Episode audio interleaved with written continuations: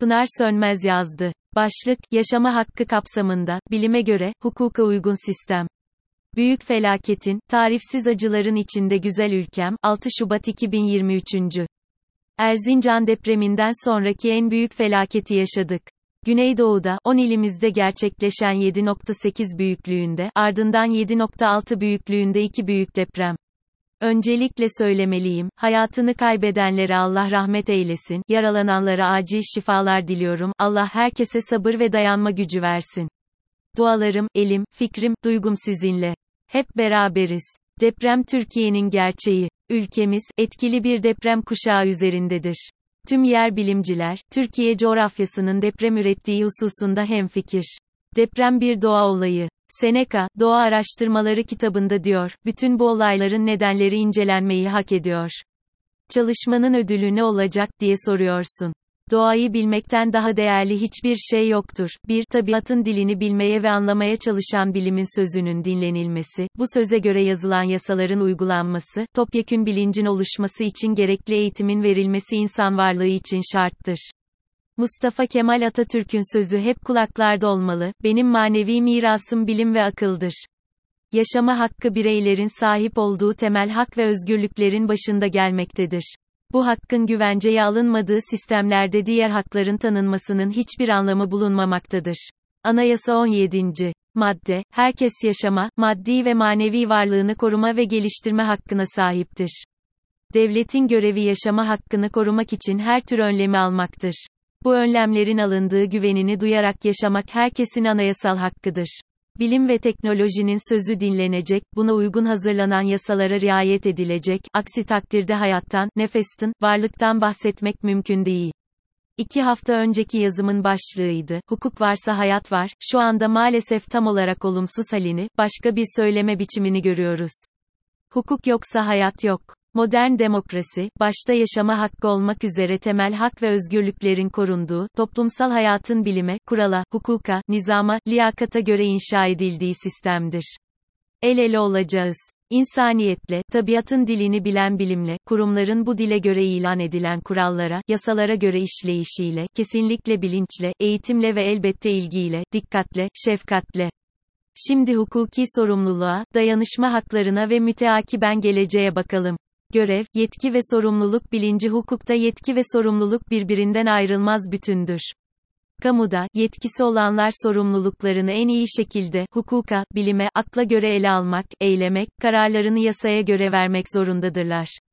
Başta kamu görevlileri olmak üzere inşaat sektörünün yöneticileri ve teknik kadroları sorumluluklarını, sorumluluklarının sınırlarını bilmek ve ihmal halinde verecekleri ve görecekleri zararların bilincinde olmalılardır. Bayındırlık Bakanlığı, İmar İskan Bakanlığı ve mahalli idare olan belediyelerin teknik kadrolarının, deprem olgusu yönünden bilinçlenmesi mecburidir. Neden? Çünkü atılan her temelde, üretilen ve dağıtılan her inşaat malzemesinde, yapılan her inşaatta ve tadilatta devletin denetim görevi vardır. Bu denetimin biçemini, Hakim Turan Ateş 99 Marmara depremi sonrası kaleme aldığı Deprem Hukuku adlı kitabında dile getirmektedir. 2. Bir inşaatların denetimi 2. inşaat malzemelerini üretenlerin ve dağıtımını üstlenenlerin denetimi 3. Yapılmakta olan binaların, daha önce hazırlanan projeye uygunluğunun denetimi çok önemlidir ve yeterli olmadığı açıkça görülmüştür. Çağdaş toplumda, bilimsel verilerden yola çıkılarak, kente ve ülkeye dair doğru projeler üretilir, dürüstlükle önlem alınır ve görev hiçbir zaman ötelenmez. Normatif değerlerin düzenlemesi başlı başına bir mesele, bu değerlere göre yürürlüğe giren yasanın uygulanması ve neticenin denetlenmesi sistematik bilinç, eğitim, hukuk, akıl ve vicdan işidir. Tüm karar mercilerinin önce zihniyetlerinin, sonra adaylıklarının, seçilmelerinin ve görev başındayken tutumlarının, değerlerinin, uygulamalarının yepyeni bir bakış açısıyla şekillenmesi şarttır. Somut durumda, kamu görevlilerinin yanında, inşaat sektörünün teknik yönetimi dahil olmak üzere tüm sorumlular adalet önünde hesap vermelidir. Düşünen, fikir üreten, uygulayan hukukçuların ve cesur hakimlerin adi kararları ile birlikte düzenlemelere uygun hareketin önü açılmalıdır. Nokta. İhmali olan, ihmale göz yuman, yıkımda en ufak sorumluluğu olan kişilerin, kurumların, kuruluşların, deliller karartılmaksızın toplanmak suretiyle bağımsız ve tarafsız, kudretini ve yetkisini milletten alan Türkiye Cumhuriyeti mahkemeleri ve Cumhuriyet Başsavcılıkları nezdinde yargılanmalarının sağlanması adalet gereğidir. Bu aşamada, CMKM, 160'a göre, ihmali ve kusuru bulan kişilerin sorumlu tutulabilmeleri ve delillerin kaybolmaması için, yıkılan binaların enkazları kaldırılmadan, Cumhuriyet savcıları veya delil tespiti yoluyla, kolon ve kirişlerden örnekler alınarak, tüm deliller ve bulgular toplanmalıdır. Şimdiye dek ola geldiği düşünülen anlayış ve algı tamamen değişmeli, sadece birkaç kişinin sembolik cezalarından öte, amaç, maddi hakikate ve adalete gerçekten ulaşmak olmalı, adil toplum öngörüsünde dönüşüm sağlanmalıdır. Toplum adaleti bekler. Ceza sorumluluğunun doğabilmesi için, tereddütsüz olarak kast ya da taksir derecesinde sübjektif sorumluluğun fail bakımından oluştuğunun, hareket ve neticeden oluşan, aralarında illiyet bağı kurulmuş suça konu fiilden sorumlu tutulanın açıklıkla tespiti gerekir. Kusurluluğu ve ceza sorumluluğunu kaldıran hal olmadığı sürece, fail bakımından, taksirin ve kastın dereceleri göz önünde bulundurulmak suretiyle, ceza sorumluluğunun tespiti yoluna gidilmelidir. Müteahhidin veya inşaat şirketinin, arsa sahibinin, denetim firmasının, belediyelerin, idari birimlerin sorumluluk durumları araştırılarak her somut olay illiyet bağı ile değerlendirilmelidir. Afet hukuku, koordinasyon, dayanışma bilmek hakim olmaktır. Bildiğini ve öğrendiğini uygulamaksa görev bilinci ve toplumun ortak çıkarlarını gözetme şuuruyla yaşanacaktır. Afet hukuku, afet ve acil durumlara müdahalede ihtiyaç duyulacak tüm güç ve kaynakları ulusal ve yerel düzeyde planlamak, anılan güç ve kaynakların olay bölgesine hızlı, etkin, adil bir şekilde ulaştırılmasını sağlamak, müdahale hizmetlerini ve hizmetlerin koordinasyonundan sorumlu çözüm ortaklarının görev ve sorumlulukları ile planlama esaslarını belirlemektir. Bu kapsamda, uzun vadede halkın ve mesleklilerin eğitimi de gerekir, devlet kademelerindeki ve sivil toplum kuruluşları arasında görev ve sorumlulukları, ayrıca kuruluşlar arasındaki işbirliği, koordinasyon ve karşılıklı yardımlaşma esaslarını da içerir. Bu bağlamda, sahadan gelen haberlerde en çok dikkat çeken konu koordinasyon eksikliğiydi gerekli teçhizat ve ekipmanın alınması, hazır edilmesi, personel sayısının artırılması kadar, zaten eğitimi olan kadroların, kurumların mutlaka sahada bulunması, doğru organizasyonu zorunludur.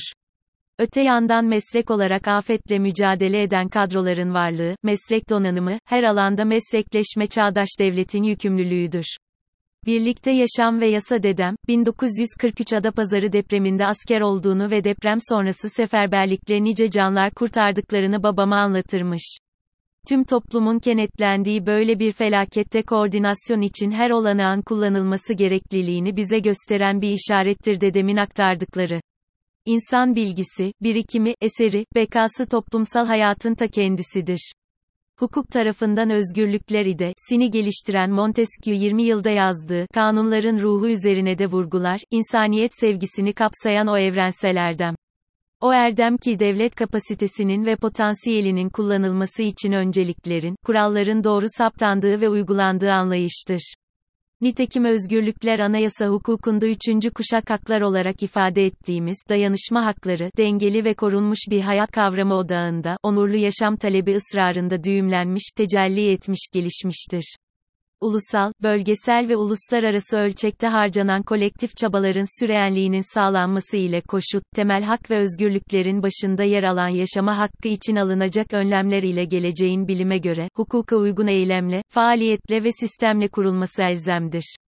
Burada, bir nevi norm öncesi durumdan hukuk kuralına tam anlamıyla geçiş sürecinin ilerlemesi, alınacak toplumsal, hukuksal, yönetimsel kararlara bağlıdır kuralsızlığın ve denetimsizliğin aşılarak hukuksal değerlerin bilfiil hayatın ve kurumların her kademesinde belirlenmesi demokrasinin ön koşuludur. Birlikte yaşamın kaidelerini, sistemini, dilini, iyicil ve akılcıl yönetim düzeni içinde, toplumsal uzlaşı ile yazacak, yaşayacak ve uygulayacağız. Demokrasinin gereği, bilimin sözü, bu söze göre kabul edilen yasalara ve hukuka uygunluk, devlet politikası olacak. Çünkü başka yolu yok. Çünkü ancak hukuk varsa hayat var.